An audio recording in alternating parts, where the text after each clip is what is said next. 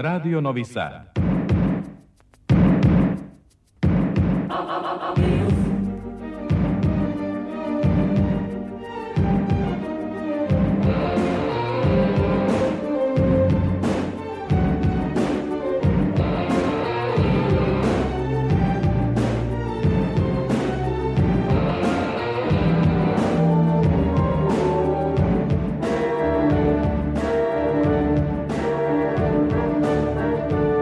Spektar.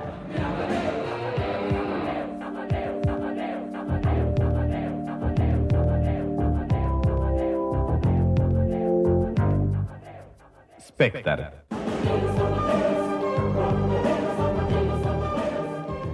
Dobro veče.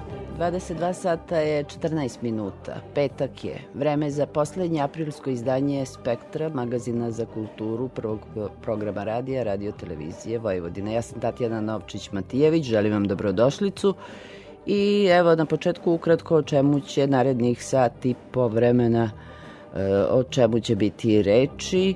Aktuelna dešavanja u kulturi uglavnom su bazirana u dva polja, umetnička, reč je o likovnim umetnostima i o pozorišnoj umetnosti i ja više detalja neću otkrivati. Na 87,7, 99,3 i 99,6 MHz ultrakratkih talasa je frekven, su frekvencije prvog programa radija za ljubitelje novih tehnologija, znaju već odavno emisija Spektar na odloženom slušanju na sajtu Radio Televizije Vojvodine od naredne sedmice.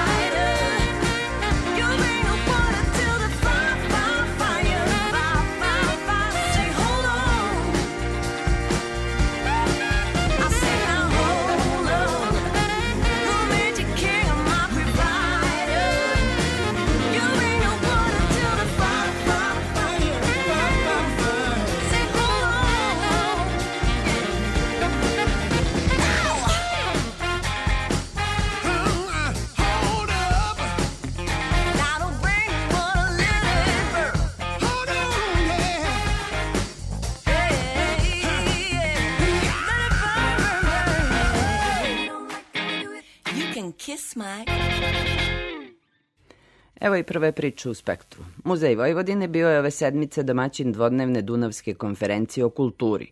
Tema o kojoj je razgovaralo više od 130 učesnika bila je kultura za sve, od održivosti i prezentacije savremene kulture do inkluzije svih korisnika i digitalnih tehnologija kao načina koji bi privukao novu i mladu publiku.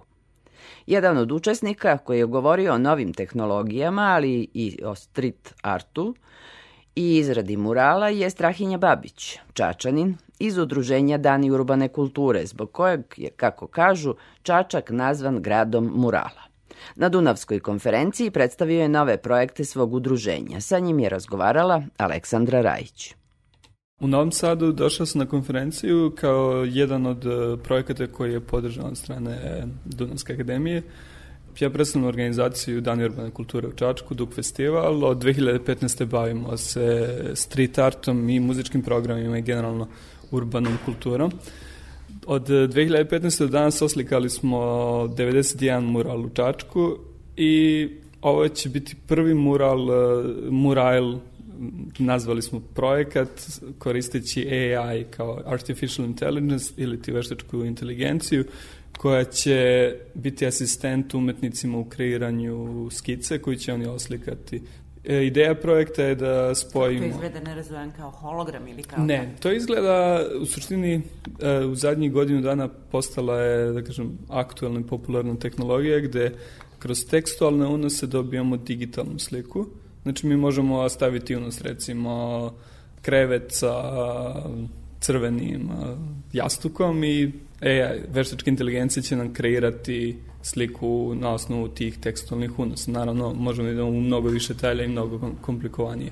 E sad, naš projekat se sastoji od e, tri strane. E, umetnik iz Hrvatske, umetnica iz Mostara i umetnica iz e, Srbije, iz Čačka će svoje stilove združiti u jednu, da kažem, kompoziciju, a to združivanje će zapravo uraditi AI. I to je jako zanimljivo zato što umetnici generalno imaju veliki izazov da stvore jednu kompoziciju, posebno ako imaju različite stilove, pristupe, palete koje koriste, a, tako da bit će jako zanimljivo i eksperimentalno da vidimo kako će to AI uraditi. I, i da, li, da li će to biti komplikovan i teži da, proces ili ne. Da, i za veštačke inteligencije i za umetnike. I kao finale tog projekta bit će oslikavanje tog morala u Čačku. Znači, to je ta tema o kojoj ćete govoriti, povezivanje novih tehnologija sa street artom. Zapravo, vaša tema uklapa se u ono što je i tema ove konferencije, a to je kultura za sve. Šta to znači slikati murale po Čačku i šta ste do sad uradili? Dobro ste rekli, kultura za sve. Ja nekad volim da se našalim i da kažem da je naša, naš rad zaista za sve uključujući za ulične pse i ptice i mislim da, da jedan pacifizovan javni prostor utiče pozitivno i na pse i na ptice, da utiče na apsolutno sve nas. A razmišljate i o tome i o ekološkim aspektima svog uličnog arte? Razmišljam i o ekološkim aspektima i trudili smo se da koristimo materijale koji su, koji su više ekološki. To je takođe izazov zbog samo kvaliteta materijala koji još, e, još nisu došli do tog nivoa da kažem možemo da se merimo sa klasičnim nekim sprejom ili, ili, ili farbom ali promovišemo ekologiju kroz e, drugi način, kroz tematiku. Više godina sarađujemo sa Riken fondacijom, to je fondacija Ball Packaginga i oni promovišu metal. Ball Packaging se bavi aluminijumom i oni promovišu metal kao materijal koji se reciklira beskonačno i uradili smo više murala vezanih za reciklažu metala. Trenutno aktualan je mural koji ćemo raditi u saradnji sa kompanijama 1 i Silosima i Gajom pokretom iz Beograda. Inače, pre nekoliko dana uradili su mural ovde u Novom Sadu, pre možda pola godine urađeni su murali na Silasima u Beogradu, a sada ćemo raditi i u Čačku i tema je zapravo i ekologija i generalno i reka koja povezuje sve nas, e, tako da to su neke, da kažem, ekološke teme koje mi volimo da uvek istaknemo u našim radovima. To što je Čačak nacionalna predstavnica kulture, pretpostavljam, otvara vam neke mogućnosti, ali i možda potencijalno u nekoj budućnosti ovaj, imaćete i dovoljno resursa za svoj rad. Pa, e, definitivno nacionalna predstavnica otvara nove mogućnosti i resurse i nego osjećamo da je fokus e, mnogih institucija i projekata i programa na Čačkove godine i nadamo se da ćemo uspeti da realizujemo, da kažem, da ostvarimo održivost e, na duge staze zahvaljujući toj podršci, da je, da je to jedno seme koje će kasnije rasti u, u jedno lepo drvo. Rekli ste da ste radili već po Novom Sadu. Jeste li uspjeli da vidite neke murale e, u Novom Sadu? E, čini mi se da ima vrlo uspešnih, a s druge strane i dosta neuspešnih.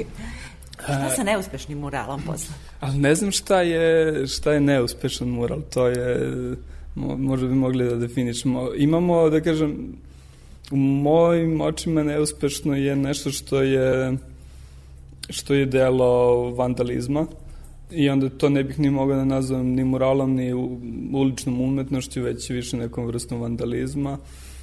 A onda Novi Sad je eto, bio je poznat po čuvenom muralu koji su krečili više puta, pa tako da Remedao, da, pa je kasnije nastao i jedan drugi mural, da kažem, sa igranjem reči. Mislim da mural generalno može da bude način da, da, da se iznose poruke, komunicira i jedan odraz eh, trenutnog vremena i, i, i vrednosti, tako da, na primjer, mi smo u Čačku imali smo više različitih stilova, Imali smo i komentare od određenih eh, grupacija da im se ne dopada zato što, na primjer, nije cvet ili nije ptica ili tako nešto, ali opet nekako mislim da, da je bitno imati raznovrsnost iz, izraza i stilova i da možda nešto što nije cvet ili nije ptica opet može da komunicira jako značajnu i bitnu poruku.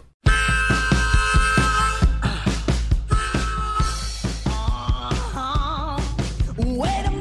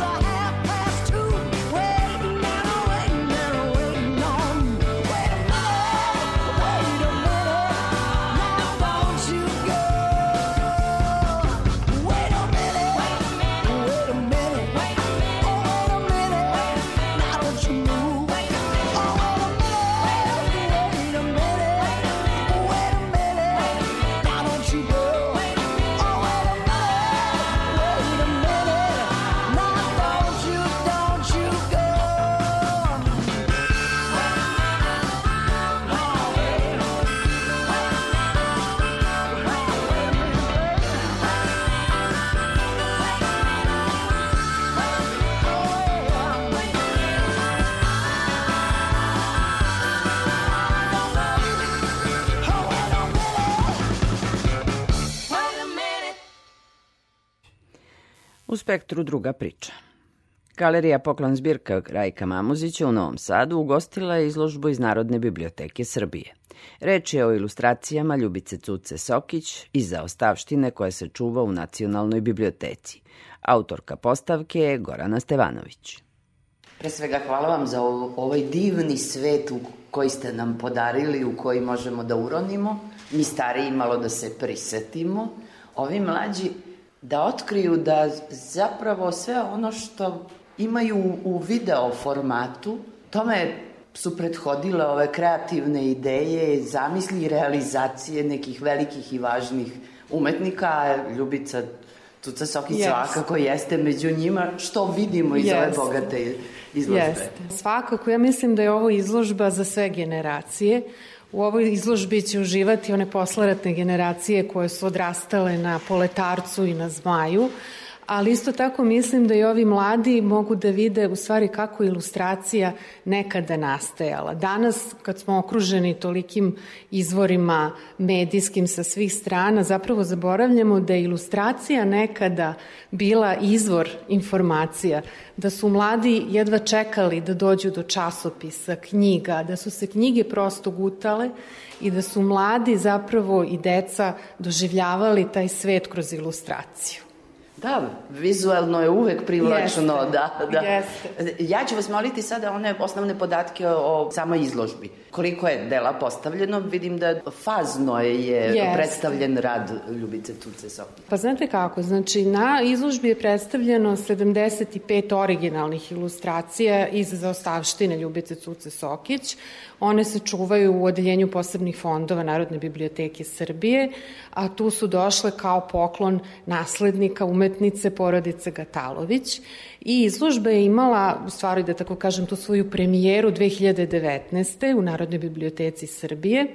I ove godine, zahvaljujući pozivu Galerije Mamuzić, eto imali smo priliku, imamo priliku da ove, izložbu predstavimo novosadskoj publici, ali smo želeli da malo osvežimo i obogatimo postavku, tako da smo ovaj put predstavili neke ilustracije koje nisu bile tada viđene. Takođe su ovde i neka dela, znači slike Ljubice Cuce Sokić koje se čuvaju u galeriji Mamuzić i imamo jedan eksponat iz galerije, odnosno iz spomen zbirke Pavla Beljanskog. Ono što je takođe dragocen deo izložbe jesu knjige, znači knjige u kojima se nalaze objavljene ilustracije i slikarski pribor. Prosto smo hteli malo da dočaramo celu tu atmosferu i vreme kada su ilustracije nastajale. Ima puno korisnih informacija, Jeste. dakle, i ne samo što je vizuelno bogata i što onako podstiče maštu, Da. nego i vrlo informativna izložba sa sve e, vrlo relevantnim podacima o angažmanu i, i shvatamo da zapravo da ta vrsna umetnica je jako dobar deo profesionalne karijere Tako e, posvetila ilustraciji. Ilustraciji, jeste. Cuca Sokić, kao što svi znamo, bila je velika srpska slikarka, akademik, profesorka na Akademiji likovnih umetnosti u Beogradu. Ali ono što ne znamo ili gotovo ne znamo, to je da se ilustracijom bavila tokom velikog dela svoje profesionalne karijere. Znači, od tih predratnih dana, od 1935. godine, kada je bila učenica na umetničkoj školi, kada su ti prvi njeni počeci i koraci u listu Pravda, čiji je vlasnik i osnivač bio njen otac Manojlo Maša e, Sokić, pa sve do posleratne ilustracije. Znači, ilustracija je neka vrsta, da tako kažem, pribežišta Cuci Sokić. U tim teškim ratnim, posleratnim godinama, to je za nju bila neka vrsta svojevrsne arkadije.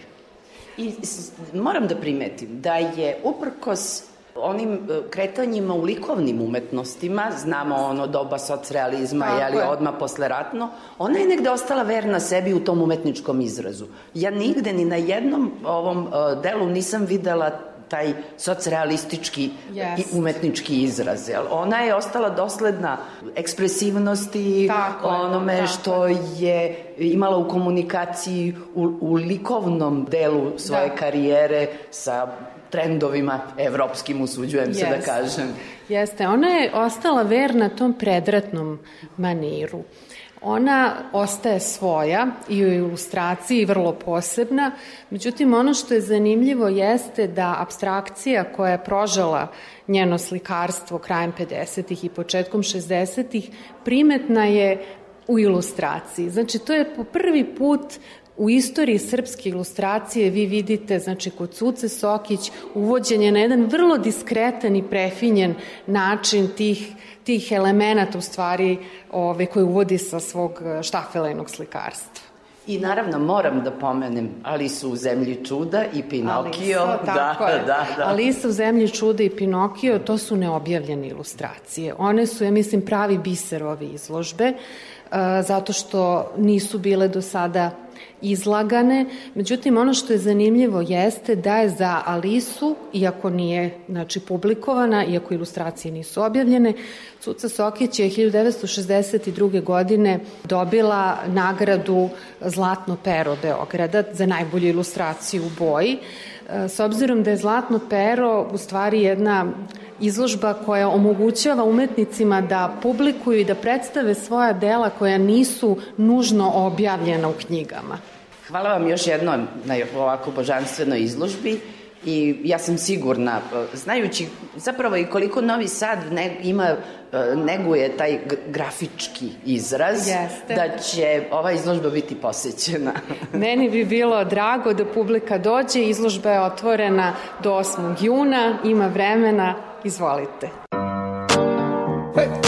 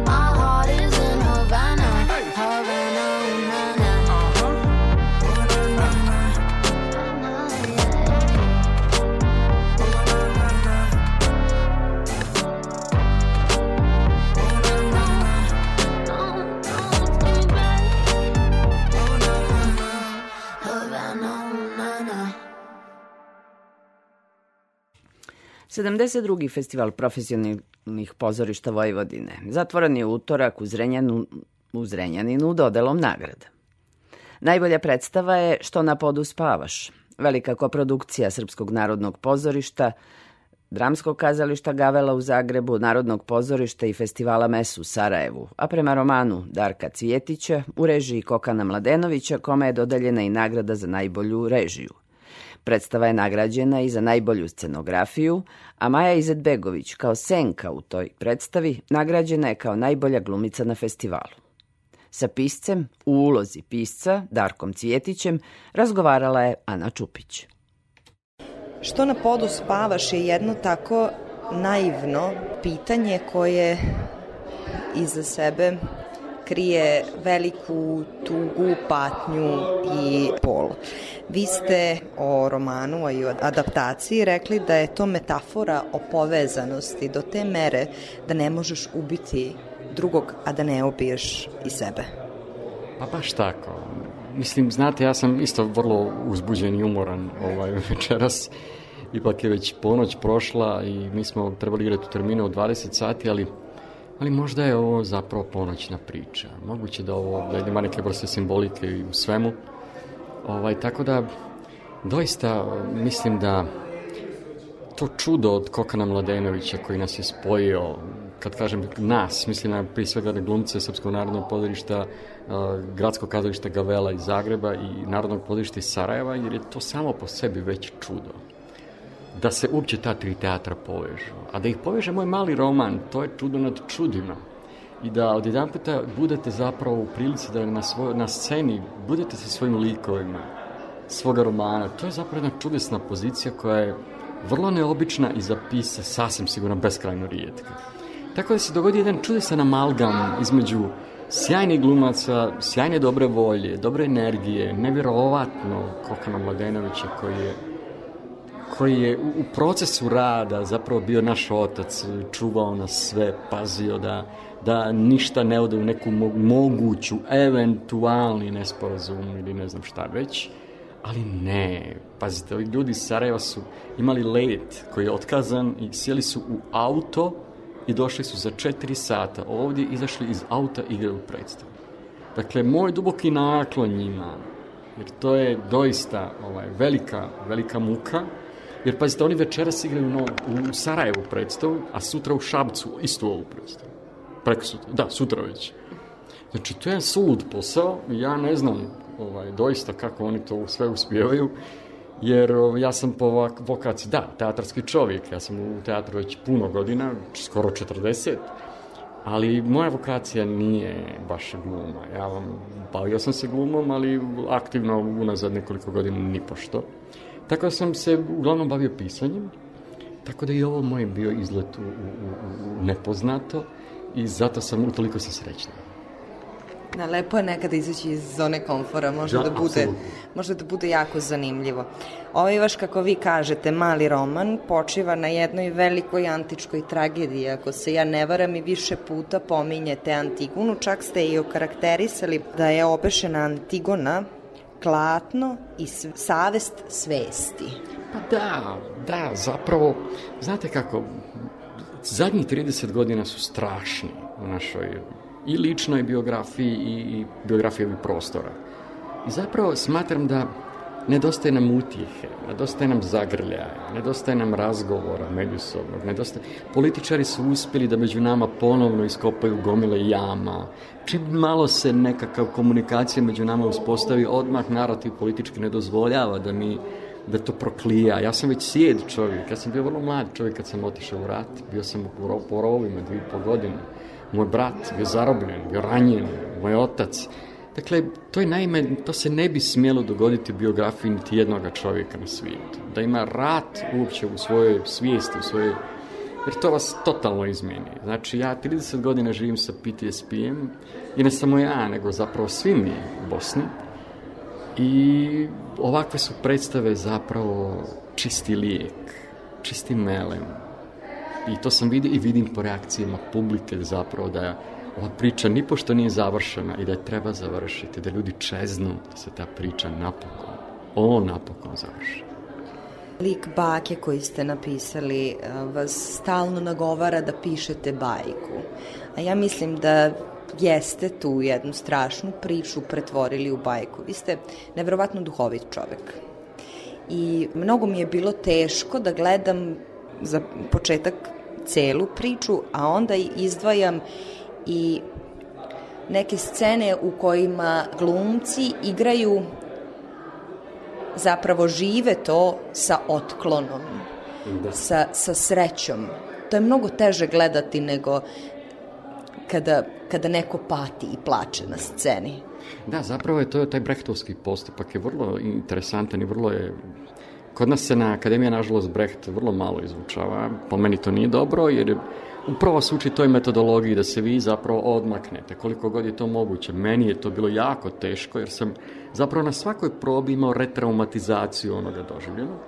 Tako da, ako smo uspjeli se primaknuti nečemu što ste nazvali bajkom, onda je to savršeno, da je to baš taj uspjeh, jer iz antigonalne antičke priče doći do bajke zapravo je nekakav pokušaj, nekakav naš cilj bio da dođemo do zagrljaja, da dođemo od muke do zagrljaja. I ako je taj put pređen, a osjetio sam večeras da jest, onda smo zapravo svi sretni. Počeo od toga što je predstava krenula dva sata kasnije, a sala je bila krcata. Ja bih Sjajno. Na ovo. Moram se zahvaliti prekrasnoj zrenjaninskoj publici na, na strpljenju i zahvaliti se na tako lijepom aplauzu. Zaista zaslužuju pozorište. A ja bih ovaj razgovor završila najbitnijom replikom iz vašeg romana i ove predstave Nebo ne puca. Ni ne niša ni. Ni ne nišani. Hvala vam. Hvala vama.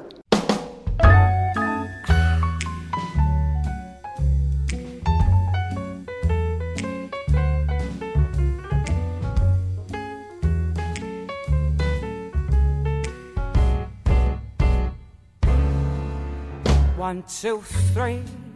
He plays so sexy to me. Three, four, five, six. Kid's got some brand new licks. Six, seven, eight. Down by the snake at the lake, there's a joint that's ready to blow. Every hound in the band's got a sound howling away. It must be Judgment Day. We run it down like a cat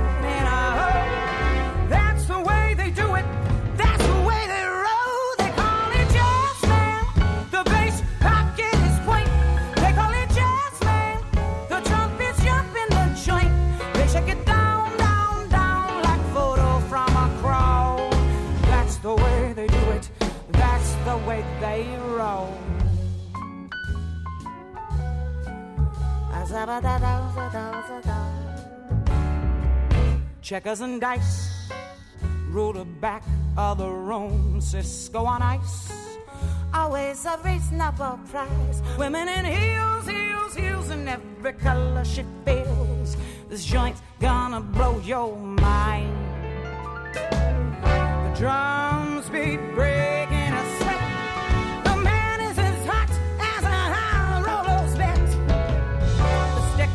click like time on a clock. When you think it's over, they're just beginning to rock. They call it jazz slam.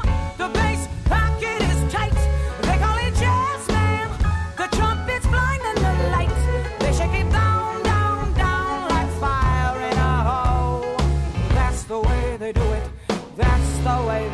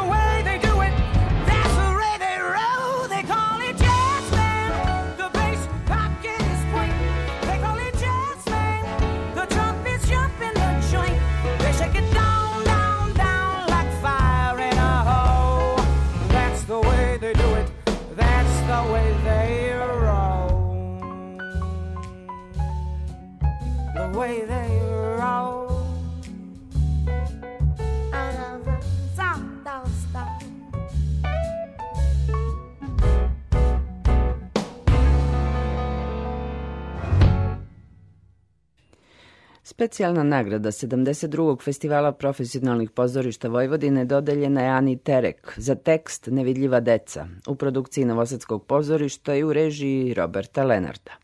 Ana Terek je fokus stavi, u fokus stavila odrastanje adolescenata, njihove probleme i odnos sa odraslima.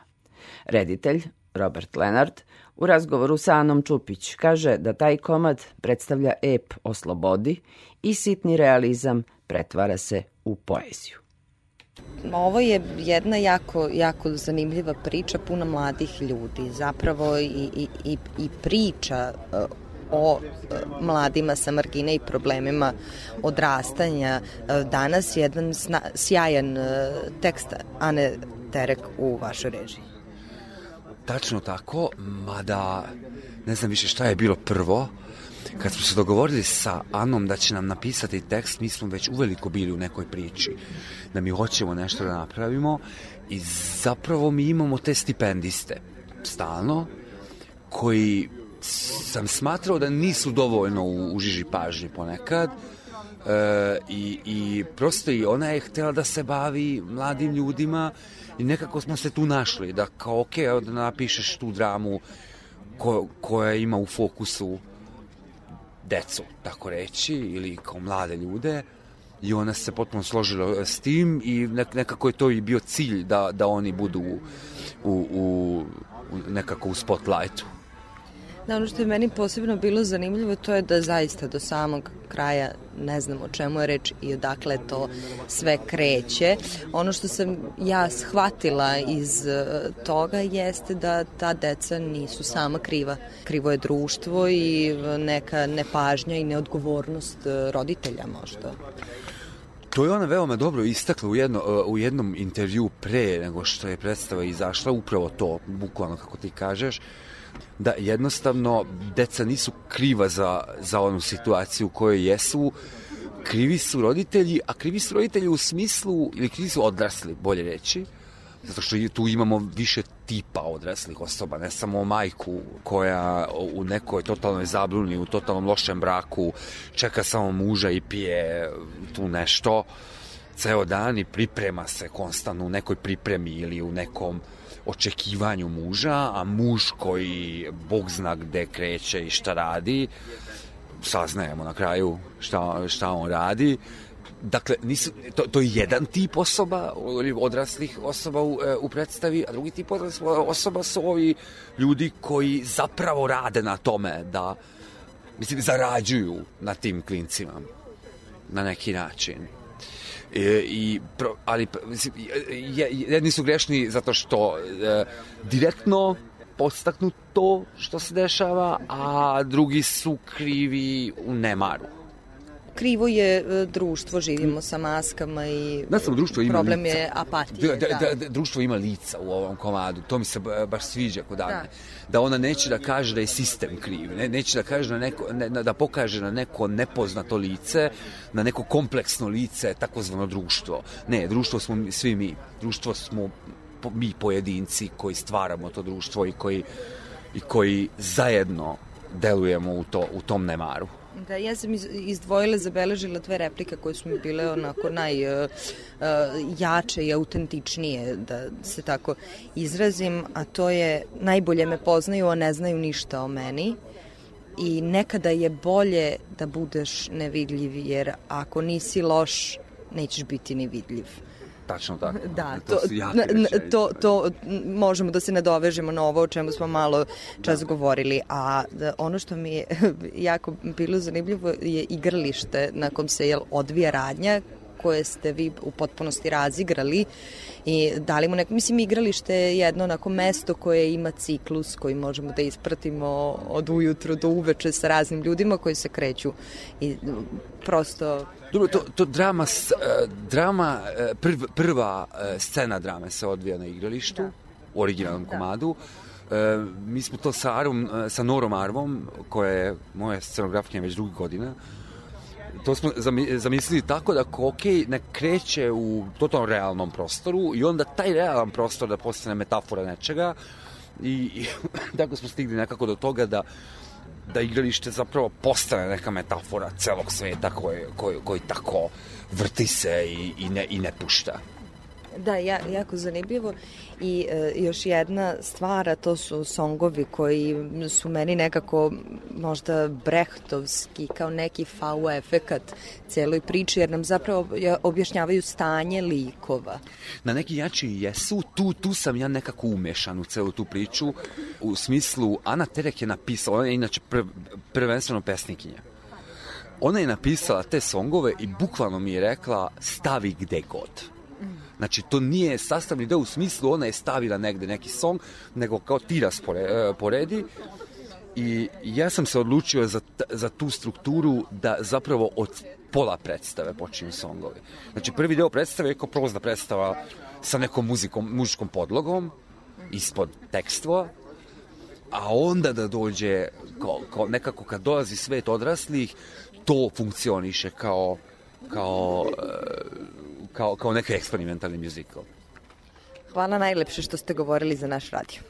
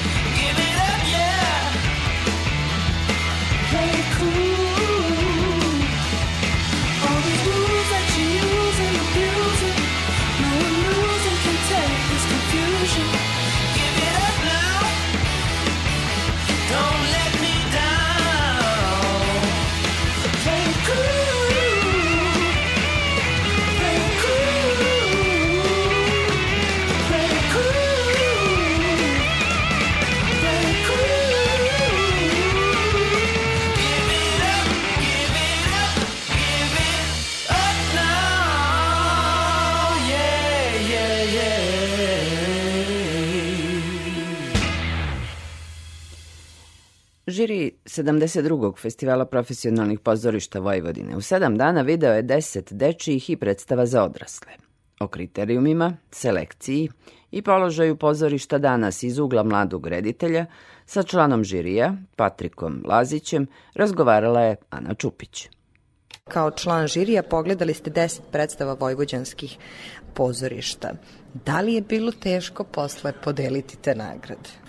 Pa, znate kako, bilo je, program je bio raznovrstan i to je ono što je pre svega dobro, on je bio raznovrstan u svakom pogledu, pre svega u ovom vojvođanskom pogledu, dakle, pitanja jezika, gledali smo odlične predstave na mađarskom, gledali smo jednu slovačku, onda on je bio raznovrstan po pitanju uzrasta kojem je namenjen, dakle, gledali smo odličnu studentsku predstavu za mlade, za decu, za odrasle, tako da je bilo zaista jedan raznovrstan program iz kojeg se moglo svašta nešto izvući. Ono što je također bio raznovrstan i po kvalitetu, dakle, to se mora reći, prosto postoji dalje, primete se neke tendencije koje nisu otišle mnogo daleko, primećuju se dalje nekakve, da kažemo, dosta stare tendencije u nekim predstavama, međutim ono što je pozitivno primećuju se i neki, neki savremeni primjeri dobrih predstava, dobrih saradnje, dakle produkcijski, produkcijskog mišljenja što je meni za svaku pohvalu povezivanje regionalno,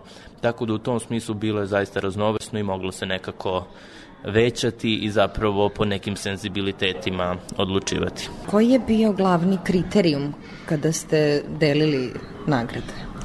Pa, tu smo dosta nekako pričali o tome šta je taj neki metod koji treba da uspostavimo i sve vreme smo pričali o toj nekoj vrsti objektivnosti. Naravno, mi smo tu pozvani i kao umetnici, da nekako i umetnički sud dajemo, međutim treba da postoji neka vrsta objektivnosti, tako da u tom smislu smo se vodili prema onome šta je najbolje od svega ovoga što smo videli. Dakle, mi možda ne bismo neke od ovih nagrada dali po defaultu tako, međutim u ovoj konkurenciji, po ovome što smo videli, to su prosto bili dometi koji su najviše nekako radili i naravno da nekako tri glasa odluče ili barem dva kad nismo mogli da odlučimo. Redke su nagrade koje su većinom glasova donete, tako da u tom smislu trudili smo se da budemo čim objektivni koliko je to moguće naravno kad se umetnost posmatra.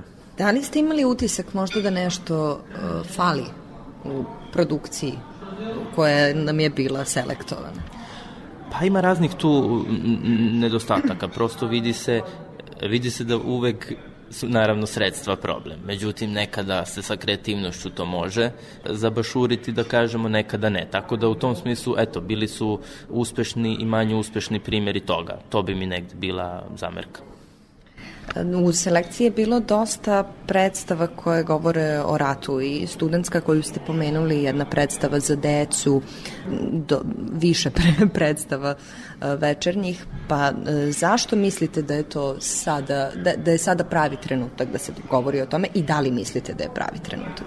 Pa mislim da je svakako uvek pravi trenutak govoriti. Kod nas i dalje vlada često taj stereotip, pa prežvakali smo tu temu, shvatili smo, nismo shvatili.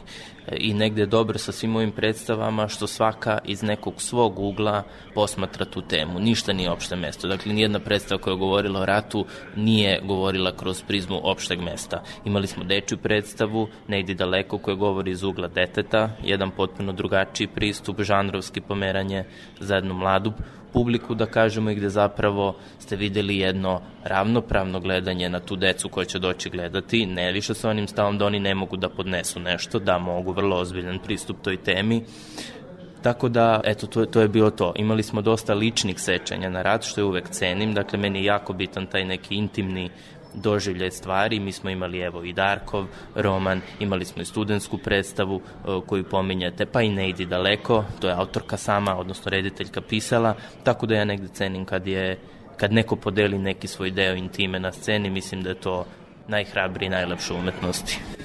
Da, pozorište jeste tu da govori o životu, jel, na neki način. A kao vrlo mlad reditelj, šta mislite da, da je potrebno pozorištu danas da bi opstalo? Preživelo je 2000 godina, preživelo je svašta, ali danas nam ponovo nekako, pa da kažem, visi o koncu. Pa mislim da prosto ista situacija kao što je uvek bila, da nije sad to ništa dramatično. Samo ja mislim da je pozorište uvek preživljavao zahvaljujući novim pričama. Mi nekako uh, uvek govorimo o klasici, da je pozorište preživelo zahvaljujući klasicima. Nije, mi smo od toga napravili klasike. Zato ja mislim da je jedan nedostatak ovogodišnje selekcije, ali nije to pitanje selekcije, to je pitanje prosto izbora, jeste nedostatak novih priča. Mi smo zato dali vrlo rado specijalnu nagradu Ani Terek za tekst Nevidljiva e, deca, koje, koje obrađuje jednu potpunu perspektivu o kojoj se ne govori, da ne otkrivam, pošto ni autori sami nisu hteli, jer to jeste negde plot te, te radnje, da ne otkrivam koja je to perspektiva, ali čini mi se da fali dobrih e, priča ja negde verujem da u toj utrci u kojem je publika svakodnevno izložena fenomenalnim serijama, filmovima, dakle e, stvarima koje su ozbiljno razrađene, gde smo naj, najboljim nekim pričama izloženi, da ćemo tu da izgubimo bitku ukoliko se samo prepustimo klasičnim tekstovima. Mislim da moramo pisati dobre nove priče, tako da eto ja se negde trudim i kroz moje stvaralaštvo kao reditelja i ovde kad mogu da neku odluku donesem, da negde to podržim. Hvala vam najlepše što ste govorili za naš radio.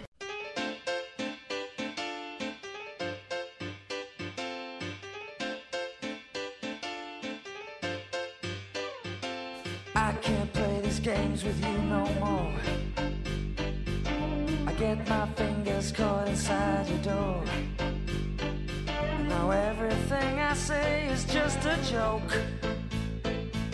Spend my money, now you leave me broke. Living someone's life in clear blue skies.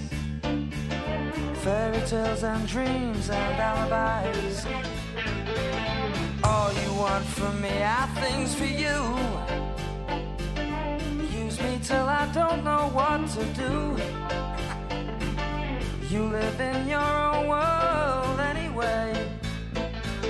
Twisting every single thing I say. In my hometown, I feel out of place. Change my name and find a different face. You tell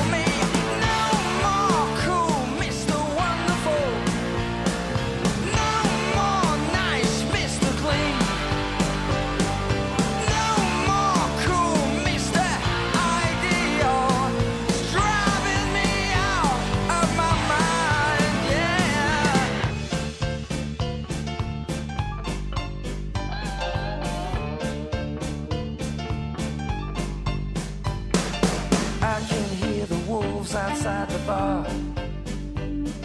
Sometimes I don't know which one you are. Imitation's all that you accept. Shadows of myself that you once met.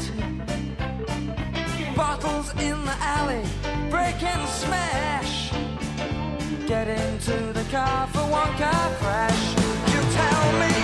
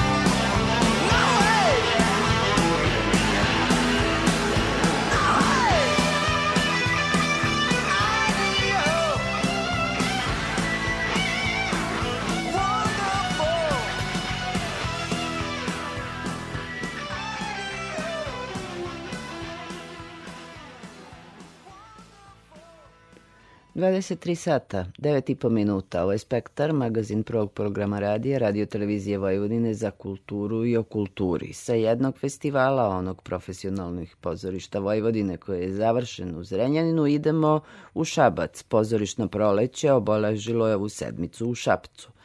Naslednik nekadašnjeg festivala pod imenom Ljubiša Jovanovića, velikog šabačkog glumca, održava se sedmi put. Selektor Miroslav Miki Radonjić odabrao je predstave Roller Coaster, Atelja 212, Galeb, Somborskog pozorišta, Što na podu spavaš, Srpskog narodnog, Zagrebačkog gavele, Narodnog pozorišta i Mesa u Sarajevu, potom uspavanka za Aleksiju Rajčić, fondacije Novi Sad, Evropska predstavnica kulture, Sterinog pozorja i bilo jednom na Brijunima, produkcija Joca Art, Milana Marića i Branislava Trifunovića u saradnji sa Centrom za kulturu Svilajnac i Bitev teatrom. Festival će sutra biti zatvoren premijerom komada Mračna komedija Šabačkog pozorišta. Inače, karte za festival bile su rasprodate u jednom danu i sad još jedna priča iz Šapca. Tamošnje ustanove kulture povodom Dana grada 22. aprila organizuju sedmicu kulturnih dešavanja. Tako je u Narodnom muzeju postavljena izložba slikari i dela iz likovne zbirke.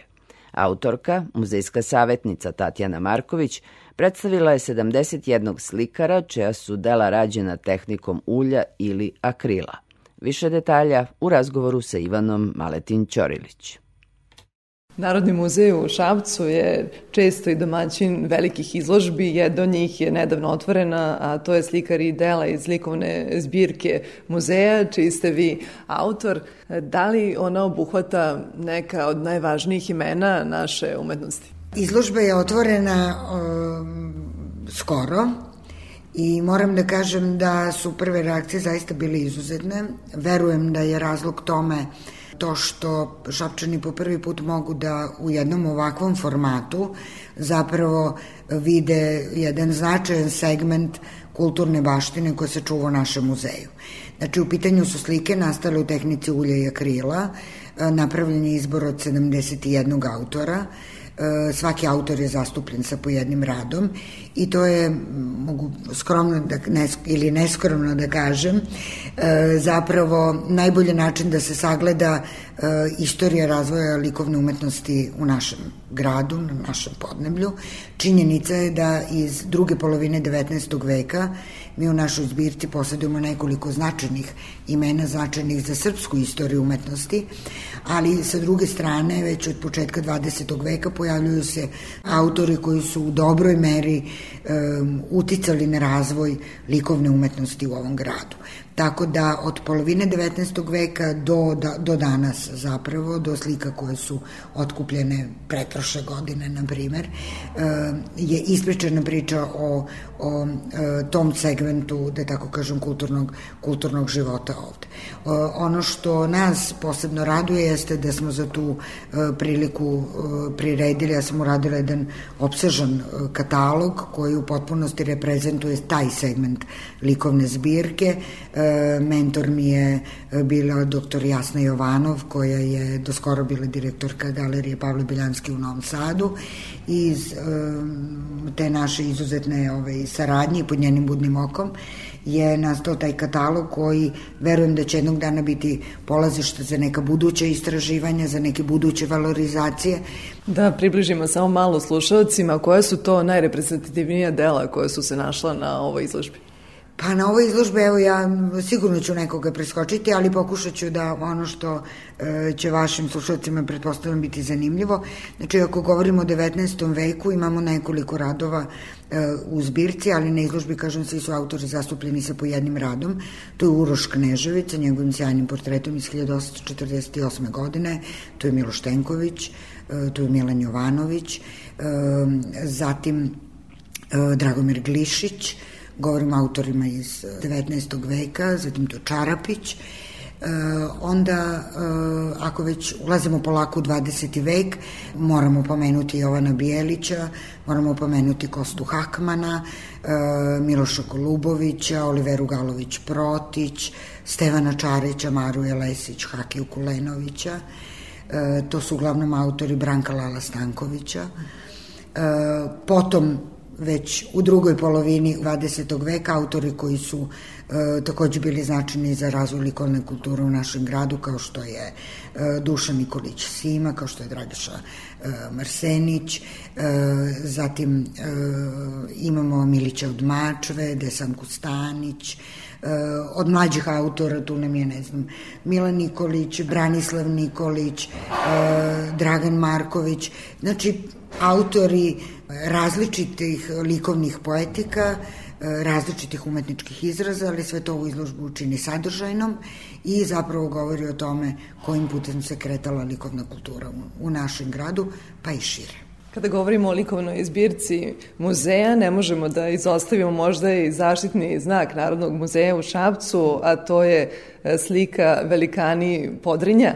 Ili ona pruža i najbolji uvid u samu postavku? Velikani Podrinja su e, sigurno najmonumentalnija slika koja se nalazi u našoj zbirci. I između ostalog e, po nekim e, davno sprovedenim istraživanjima, odnosno anketiranjima publike koja je dolazila u muzej, to je predmet koji mi je bio najupečatljiviji. Ja verujem da razlog tome nije samo njen format, a ona je 2,5 sa 4 metra, znači 10 kvadrata ovaj, površine, e, nego zapravo njen značaj leži u činjenici da su na toj slici predstavljeni velikani podrinja, odnosno sve one značajne ličnosti za koje je Stevan Čalić smatrao da predstavljaju e, esenciju kulture, prosperiteta, nauke, politike ovog kraja, ali slobodno možemo da kažemo e, i države i srpskog naciona. E, naravno, na slici kao centralna figura nalazi se Vuk Karadžić, njemu na poklonjenje dolaze e, oni koji su, kažem, obeležili drugu polovinu 19. veka, prve decenije 20. veka i tu se pojavljuju Stojan Novaković, Janko Veselinović, Jovan Cvić, Laza Lazarević, Milorad Šapčanin, Vladimir Stanimirović, Branislav Ćosić, tu su neke ličnosti iz istorije koji su takođe značajne za tu slobodarsku istoriju ovog kraja kao što je Vojvod Anta Bogićević, kao što je Stojan Čupić, kao što je Vodeničar Deva, znači on je zapravo napravio jednu sliku koja predstavlja jednu sjajnu kompilaciju značajnih ličnosti iz istorije i iz svih ovih nabrojanih oblasti, ali isto tako tu se nalaze i dve devojke koje po njemu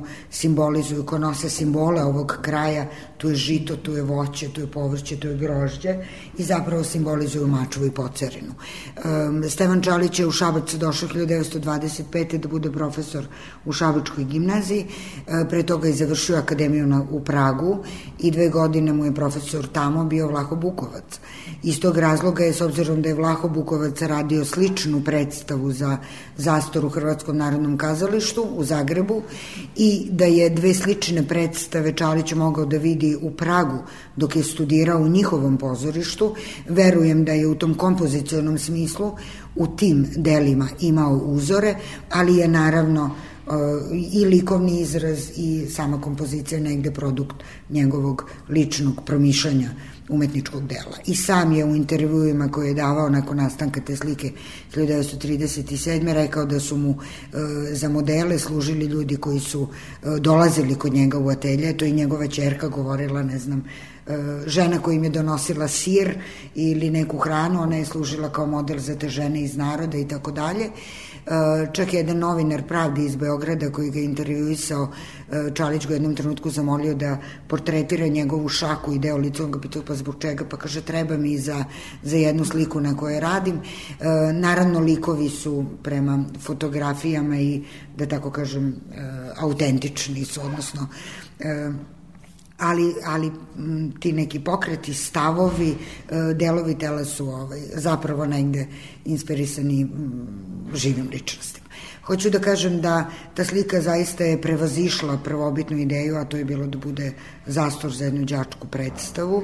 Sam autor je od toga odustao radeći na toj slici i shvatio da to može da bude jedno ozbiljno umetničko delo što današnje vreme pokazuje da zaista i jeste.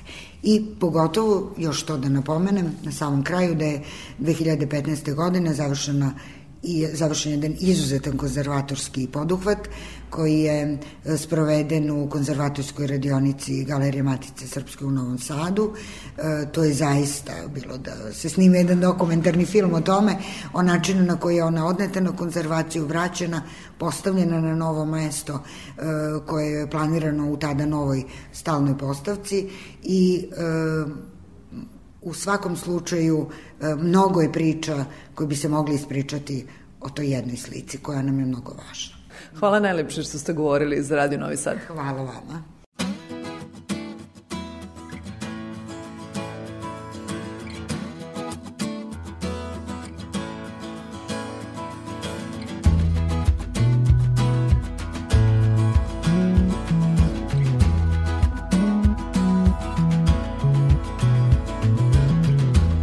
Leaves are falling all around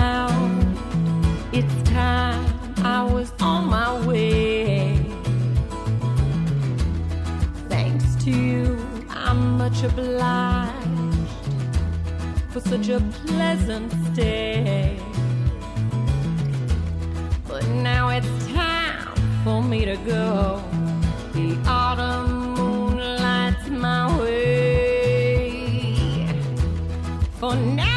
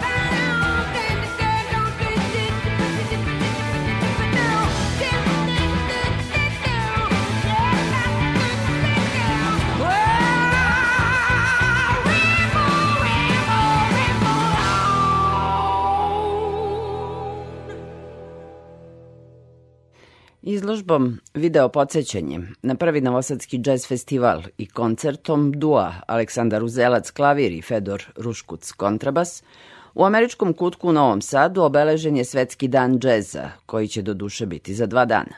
Aleksandra Rajić.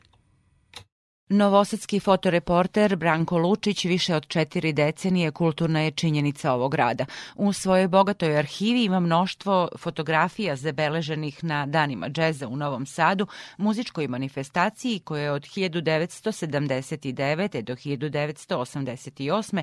važila za jednu od najuspešnijih u Jugoslaviji. Na njoj su gostovali velikani poput Četa Bakera, sastava Oregon, Antonija Braxtona, naših džez muzičara. Vitomir Simordić, muzički kritičar Radio Novog Sada, otkrio je u tom Brankovom fotografskom blagu dragocene dokumente. Ne znam kako se Branko osjećao kada je otišao prošle godine u penziju, ali ja sam neskriveno bio oduševljen, jer sam u stvari gotovo bio siguran da će se baciti na sređivanje sobstvenog arhiva i da će u tom arhivu biti neko, nekog blaga iza mene. I baš to se desilo kako su odmicale nedelje i meseci, a Branko sređivao arhiv, stizali su mi na mail fotografije Vito, vidi šta sam još našao. I tu je bilo šokantnih stvari. Jedna od tih šokantnih pošiljki je ovog trenutka na, na zidovima američkog kutka. Dakle, ovo su fotografije koje je Branko snimio na festivalima Dana džeza u Novom Sadu. Dominantno sam izabrao fotografije iz 1982. godine na kojima je Art Ensemble of Chicago, čikaški umetnički ansambl. Dakle, bio je to koncert koji stvarno teško naći reči da se opiše sa kojim gotovo histeričnim nestrpljenjem smo očekivali dolazak tog, tog čikaškog kvinteta koji je u tom trenutku bio apsolutno najavangardniji zvuk koji je svet mogao, mogao da čuje ili da ponudi. Fotografije su uz enciklopedijsku memoriju Vitomira Simurdića neretko jedino svedočanstvo, ali i svakako glavni povod za izložbu u američkom kutku, kaže Branko Lučić. Ima nekih e, par stotina fotografija koje sam skenirao, koje su mi ostale kući. I uglavnom, Vita Simurdić me zamolio da to mu pošaljem i da vidi. I naravno, ovaj, on je oduševljen bio i znao je potpise sve, on neverovatan, poznaje džez i uglavnom je sve autore poznao i imenovao. Ja nađem neku staru fotografiju koju sam još u Beogradu snimio i on kaže, pa to je John Mayle. Čoveče, pa ti imaš njega. I onda je to tako krenulo, rekao imam ja još fotografija i onda pošaljem i onda on to dešifruje i nađe imena tih muzičara, pa to je pre 40 godina. Novosadska fotografkinja Dobrila Martinov veoma poštuje Lučićev višedecenijski rad na promociji kulture. Branko Lučić je fotograf, je čovek koga mnogo novosađana zna. Naročito e, mi koji smo radili i radimo u ustanovama kulture. A večeras imamo priliku da vidimo njegove fotografije koje se odnose na muziku, na džez festival e, koji je pratio takođe svojim e, aparatom. Ali e, ja sam zapravo najbliži kontakt sa njim imala radeći u Matici Srpskoj. Šta hoću da vam kažem? Ono što je veoma važno, Branko ima dušu i Branko ima oko. Napravio božanstvene fotografije portreta, opremio je mnoge knjige, među njima odužio se i Novom Sadu fotografijama u knjizi Donke Stančić Umetnička topografija Novog Sada. Izložba fotografija Branka Lučića biće pred posetiocima do 3. maja. Na sajtu Muzičke omladine Novog Sada uskoro će biti postavljen i istorijat Novosadskih dana džeza, a u pripremi je i monografija koju će objaviti Kulturni centar grada. April je od 2001. mesec posvećen džez nasleđu i savremenoj džez muzici, a 30. april Svetski dan džeza.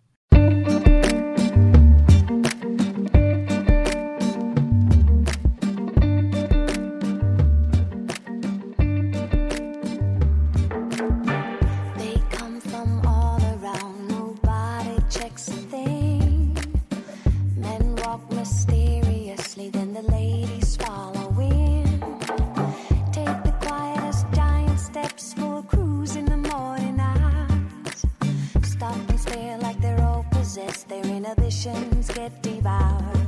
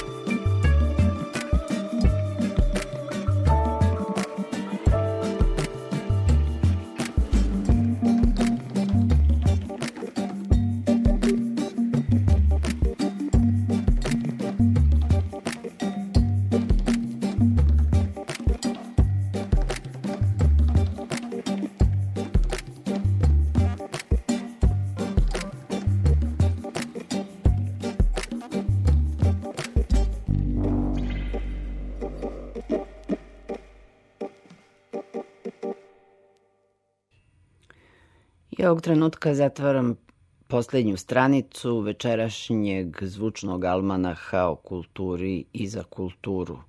Spektar inače je, reklo bi se, u najboljim godinama, u poznim 30. Gazi dobro ka četvrtoj deceniji postojanja, što ga čini pa jedno od najstarijih specijalizovanih emisija na ovom programu, a uvek mlad, što je divna formula i obećavajuća. Laku noć i dobre snove želi vam Tatjana Novčić-Matijević. Da, i čujemo se u maju.